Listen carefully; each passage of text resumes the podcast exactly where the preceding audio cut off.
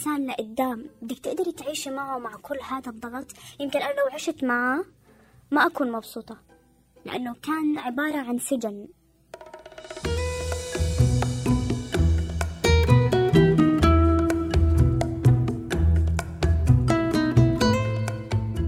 اللي بيحبني بيحبني زي ما أنا بتقبلني مثل ما أنا بأخطائي بسيئاتي بتفكيري بعقدي بأي إشي.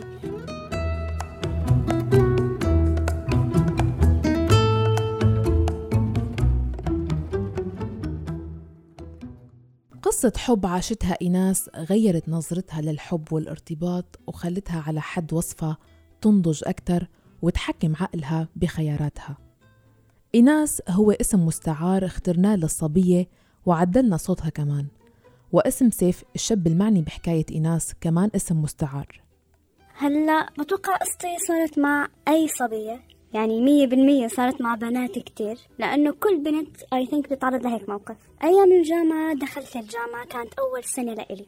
أيامها اشتركت بشي فيك تحكي؟ فرقة موسيقية بالجامعة واشتركت فيها. يوم عن يوم كان في شاب معنا. فهذا الشاب أعجب فيني كان من أول مرة شافني فيها. اكتشفت بعدين إنه أنا وياه بنفس التخصص. ما كنت بعرف إنه إحنا بنفس التخصص. كان هو قبلي بسنتين بالجامعة. ويمكن أنا كنت نحكي يمكن إنه كنت أول حب بحياته. حبني من أول ما شافني. ضلينا ما نحكي مع بعض شهر. ما اعترف لي إنه هو بحبني. كنا عم نتعامل مع بعض جدا رسمي يعني زي أي واحد وزميلته بالجامعة. بعدين صرنا نحكي. مرة مرتين ثلاث أربعة. صرت أحس إنه الشاب في إلي إشي عنده بس مش عارف كيف بده يحكي لي إياها. ما بعرف كيف صدف الموضوع وحكى لي فجأة إنه أنا بحبك. جيت حكيت له okay. بعرف إنك أنت بتحبني. حكى لي بتعرف حكيت له بعرف حكى لي طيب ما بدك تحكي لي شيء حكيت له بصراحة لا. وأنا كان في إشي كمان حاسة بشي لإله بس شوي كنت مترددة إني أحكي ما كنت متأكدة مية بالمية. بعد ما اعترف سيف بحبه لإيناس صاروا يتعاملوا مع بعضهم باهتمام أكتر وتقربوا من بعض أكتر. يوم عن يوم يعني بلش يتغير شي جواتي بلشت أحبه. كنا نحكي مع بعض تليفون فجأة اجت حكيت له بحبك. فهو انصدم شوي. رجع طلب مني إني أحكي له إياها. ثاني يوم ما قدرت أحكيها. ما بعرف ليه. يمكن خجلت أو ترددت. يعني face to face ما قدرت. بس على التليفون كنت أحكيها. بعدين حكيت له إياها. حكيت له أنا بحبك. ومن بعد ما اعترفت إيناس بحبها لسيف مشاعره تجاهها قويت أكتر وإيناس قالت إنه هي ما شافت ولا عرفت بكل حياتها حدا حب صبية مثل ما حبها سيف. يعني لدرجة إنه هذا الحب خنقني. يعني وصلت لدرجة الخنق يعني كان يغار من بابا كان يغار من ماما كان يغار من إخواني آه كان يغار من ابن أختي إذا نام جنبي على السرير. يعني وصلت لمرحلة إنه أنا مش قادرة أتحمل هذا الحب. علاقتنا شوي كانت مميزة إنه كانوا أهله بيعرفوا أهلي كمان بيعرفوا إجا زارنا أكثر من مرة بالبيت وعلاقتنا كانت قوية كتير. بغض النظر عن المشاكل اللي كتير اللي كانت تصير بيناتنا يعني كان حب قوي بالنسبة لي لحد الآن ما شفت حدا بحب حدا بهذا الشكل. مشاكل كتير صارت بين إيناس وسيف بسبب تقييده لإلها وتركوا بعض أكثر من مرة ورجعوا. وإيناس بتعتبر إنه اختلاف البيئات والتربية كان سبب من أسباب هالمشاكل. بيئتي شوي يعني أحسن من بيئته. يعني هو شوي متزمت شوي متشدد. إحنا لا شوي يعني فيك تحكي شوي free اجيت بحكي له بيوم من الأيام إنه أنا خلص ما بدي أكمل معك ولحد هنا وبس. تركنا فترة طويلة ورجعنا مرة تانية ما قدرنا نبعد. بيوم من الأيام بحكي لي إنه بده يخطبني بس بشرط. حط لي شروط. بحكي له عفوا بحكي أنا بدي أخطبك بس بدي عندي شرط. بحكي له إيش هو الشرط؟ بحكي لي الشرط إنك تتحجبي. أنا مو لابسة حجاب. معظم إخواتي مو لابسين يمكن عنا تنتين لابسين حجاب. وعن قناعة يعني مش تزمت ما عنا هذا الإشي. يعني هاي الإشي برجع لنا بابا شايف بحياته مسافر ورايح. فشغلة الحجاب عنده إياها ما بتعبر عن أي إشي. المهم البنت أخلاقها دخلاتها فوتاتها معاملتها. فحكيت له سوري أنا ما بقبل بواحد حاط له شروط. حكى لي أنا بدي إياك. حكيت له أنا بدي إياك بس ما تشرطني. نتيجة هالموقف تركوا بعض لمدة سنة تقريبا. سافرت خلالها إيناس على دولة تانية لتشتغل وبأول زيارة لبلدها من بعد غياب. رجعنا مرة تانية. ورجعنا تركنا. آخر مرة تركنا فيها كانت التركة الأخيرة يعني اللي خلص 2017 رن علي بحكي لي إنه أنا بدي أخطب. شوي أنا تأثرت مش شوي كتير تأثرت مش شوي. تأثرت كتير وبكيت كتير. ولأنه هذا الشخص كان بيعز علي كتير. يعني ما كان بس مجرد حبيب كان الصاحب الأخ الأب بالنسبة إلي كل إشي. يعني ملأ حياتي كلها. تأثرت كتير واشتغلت واشتغلت على حالي وزيادة وزيادة وهو لساته مكانه. وضل يحكي معي وهو خاطب. وأنا من غباي كنت أحكي معه. أنا كتير غبية كنت. أنا ما بعرف كيف نزلت من حالي أصلا.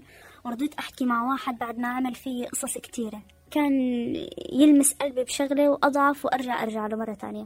بعدنا فترة وهو خاطب خلص إنه أنا حكيت حرام يعني خطيبته مش ذنبها اللي بصير معها مش ذنبها اللي اختارته مش ذنبها ولا ذنب اللي عم بشوفه ولا اللي عم بتعرض له. فخلص نبعد أحسن.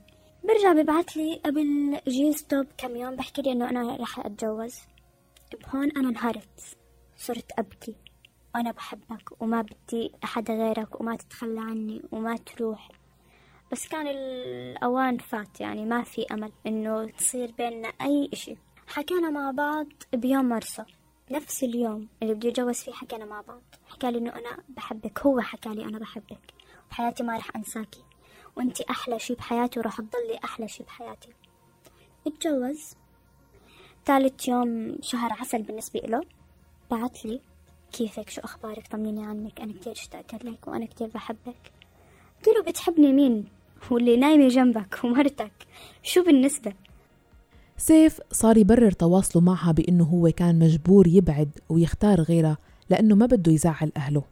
مرت الأيام وراحت الأيام وأنا كنت عم براقب الفيسبوك تاعه وتاع مرته حب وغزل وحنان وهو بحبها وهي بتحبه. ومع هيك كان يبعت لي. وأنا مثل غبية أرجع وأبى أحكي معه. ما كنت عارفة شو بدي. كنت كتير مخربطة. كنت بحبه وبنفس الوقت بدي أنتقم منه وكنت حزنانة على مرته وبنفس الوقت بدي شيها تتهنى. مع إنه هي ما دخلها باللي صار. بس خلص فش غل. يمكن بالنسبة لكم إنه هاد إشي حقارة. okay كان إشي كتير حقير. بس خلص بدي أفش غلي من جوا بأي إشي. أطفي النار اللي جواتي. ضلت إيناس على هالوضع وضلت تراقبهم على ال social media. يوم من الأيام بفتح الانستغرام بيكون شايل إنه هو اتجوز هون أنا انصدمت. ما في ساعتين ثلاث من أنا الأكاونت اللي شفته ببعت لي. أنا طبعا رديت مثل كل مرة ببعت لي وبرد فيها. أهلا تمام منيحة شو أخبارك؟ طمني عنك. كيف مرتك؟ كيف أمورك؟ أنا منيحة الحمد لله. أنا تركت أنا ومرتي. بحكي له لا بتمزح له آه والله. بحكي له ليه؟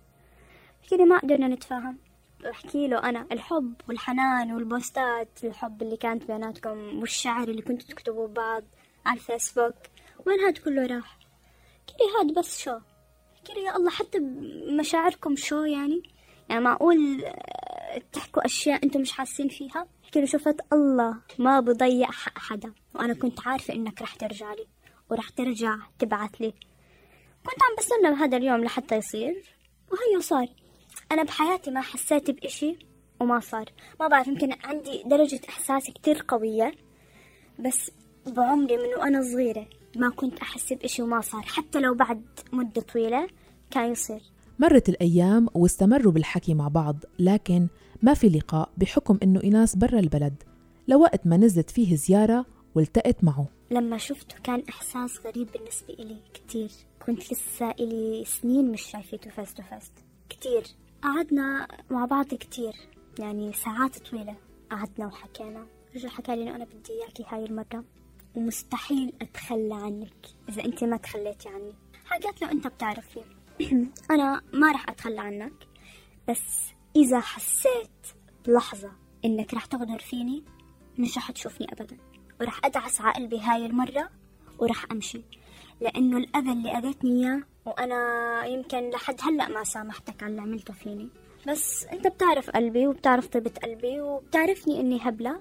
من أيام رح أنسى وأرجع مثل أول ولا كأنه صار في إشي. ضلينا نحكي مع بعض تليفون حب وغرام وإجا يوم سفري أكمل أموري وأساس نخطب طبعا ماما لما عرفت إني رجعت حكيت معه فعليا فعليا مسحت فيني الأرض. حكت لي أنا حتى لو إجا طلبك مش رح نرضى. وأبوكي أتوقع نفس الشي ما رح يرضى. بس بالآخر يعني القرار رح يكون لإلي يعني أهلي ما رح يحكوا لي لا على إشي ما بدي إياه. بس بدك تتحملي نتائج اختيارك. أهلي بحياتهم ما منعونا عن إشي إحنا بنختاره. بس مش إشي خطأ. إشي يكون صح يعني بالمعقول. بس يعني بيحملونا الموضوع لأنه إنه أنت اخترتي هذا الموضوع إحنا ما رح نوقف قدامك فيه. بدك تتحملي نتيجة اللي اخترتيه ونتيجة اللي رح تشوفيه. مرت الأيام يوم من الأيام نحكي مع بعض عادي بننام طبيعي. بصحى تاني يوم برن عليه ما برد ببعث له ما برد. غاب ثلاث أيام ما بعرف عنه فيهم أي إشي. بعد هدول ثلاث أيام طلع رن لي بحكي لي صارت معي ظروف. حكيت له أنت واحد كذاب وأنا غبية إني رجعت وثقت بواحد زيك. وما ترجع تبعت لي ولا ترجع تسمعني صوتك. بعد ما أنهينا كل شي بيننا لسه أنا في جواتي نار على اللي عملته بحالي إنه أنا أذيت حالي للمرة الألف بسبب هذا الشخص. عاشت إيناس أيام عم بتحاسب نفسها وندمانة على الوقت اللي ضاع مع سيف وبنفس الوقت عندها شعور إنه بدها تقهره زي ما ساوى فيها. وبهذا الوقت بتحكي معها أختها وبتخبرها إنه أخ زوجها حابب يرتبط فيها. طبعا أخوه لجوز أختي أنا وياه كتير صحبة يعني صحبة صحبة. فتفاجأت لما طلبني وبنعرف عن بعض كل شيء هو بيعرف عني كل شيء وأنا بعرف عنه كل شيء. فأنا شوي كانت ردة فعلي كانت كتير غبية إنه أنا لا ما بدي لأنه أنا وياه صحبة. بالنسبة إلي كانت الصحبة إنه ما بتصير إشي تاني أنت صاحبي أنت صاحبي أنت ابن عمتي أنت ابن عمتي. هذا الإشي. بعدين رجعت فكرت بحالي إنه أنا ليش طيب عم برفض؟ عشان شو؟ عشان سيف؟ لا عشان أقهره. رحت أذيت حالي كمان مرة. بس بالنسبة إلي كانت أحلى. أذى حياة بحياتي. خطبنا أنا وياه. طبعا أنا وياه بنعرف عن بعض كل شيء بس إنه أنا ما قدرت أكسر حاجز الصداقة اللي بيننا. إنه كيف فجأة بده يصير جوزي كيف فجأة بده يصير خطيبي. يوم عن يوم يوم عن يوم كان عم بتقرب لي بس أنا من جواتي ما في أي إشي بتحرك. أبدا ولا أي إشي. كان دايما لسه مسيطر علي سيف اللي كنت أحبه أول شي. بس بعد فترة بلش يتقرب مني. هو شاب كتير منيح وكتير بجنن وكتير حباب. أحسن من اللي اخترته من اختياري الأول بألف مرة. ما في وجه مقارنة. بيتفهمني طيوب بيتحملني. أنا كنت شوي صارمة معه كتير. لأني ما كنت متقبليته كخطيب. بس يعني إنه بلشنا نتعود على بعض. هو حبني وحكالي إنه هو بيحبني بس أنا كنت لسه.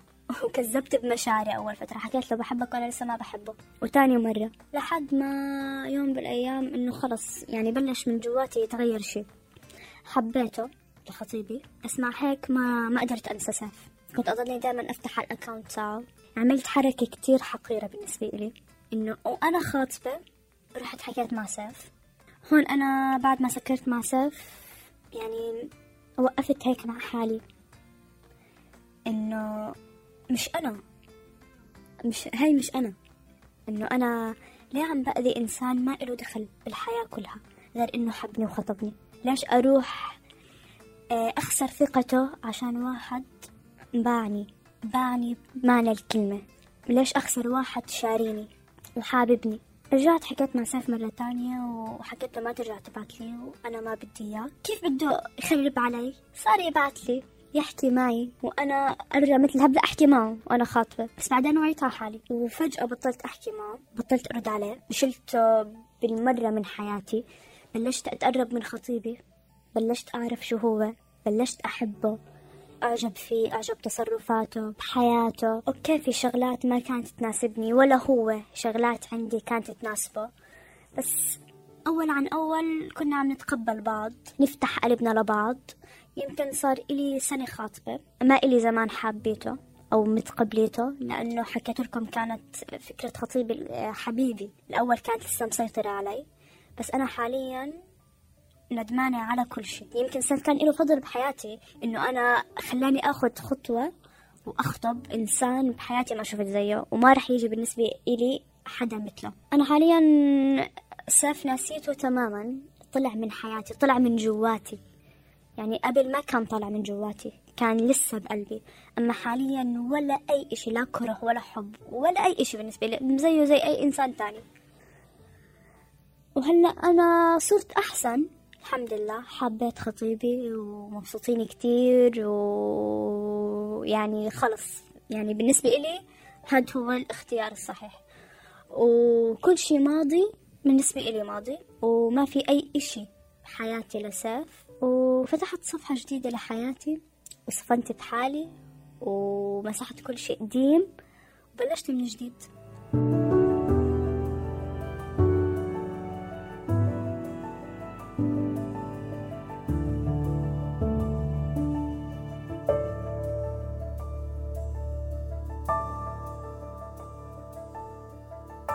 القصة اللي عاشتها إيناس كتار صبايا عاشوها. واختلفت طريقة تصرفهم حسب اختلاف شخصياتهم والوعي المتشكل عندهم واحتواء العائلة بيلعب دور بمدى التشتت والضياع ولأي حد ممكن يأذوا حالهم ويتورطوا بعلاقات غير ناجحة.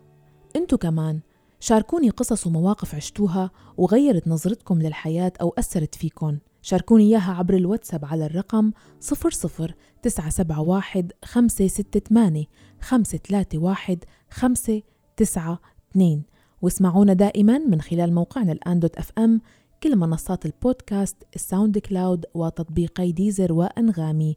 بالإعداد والتقديم كنت معكم أنا مها فطوم. إلى اللقاء.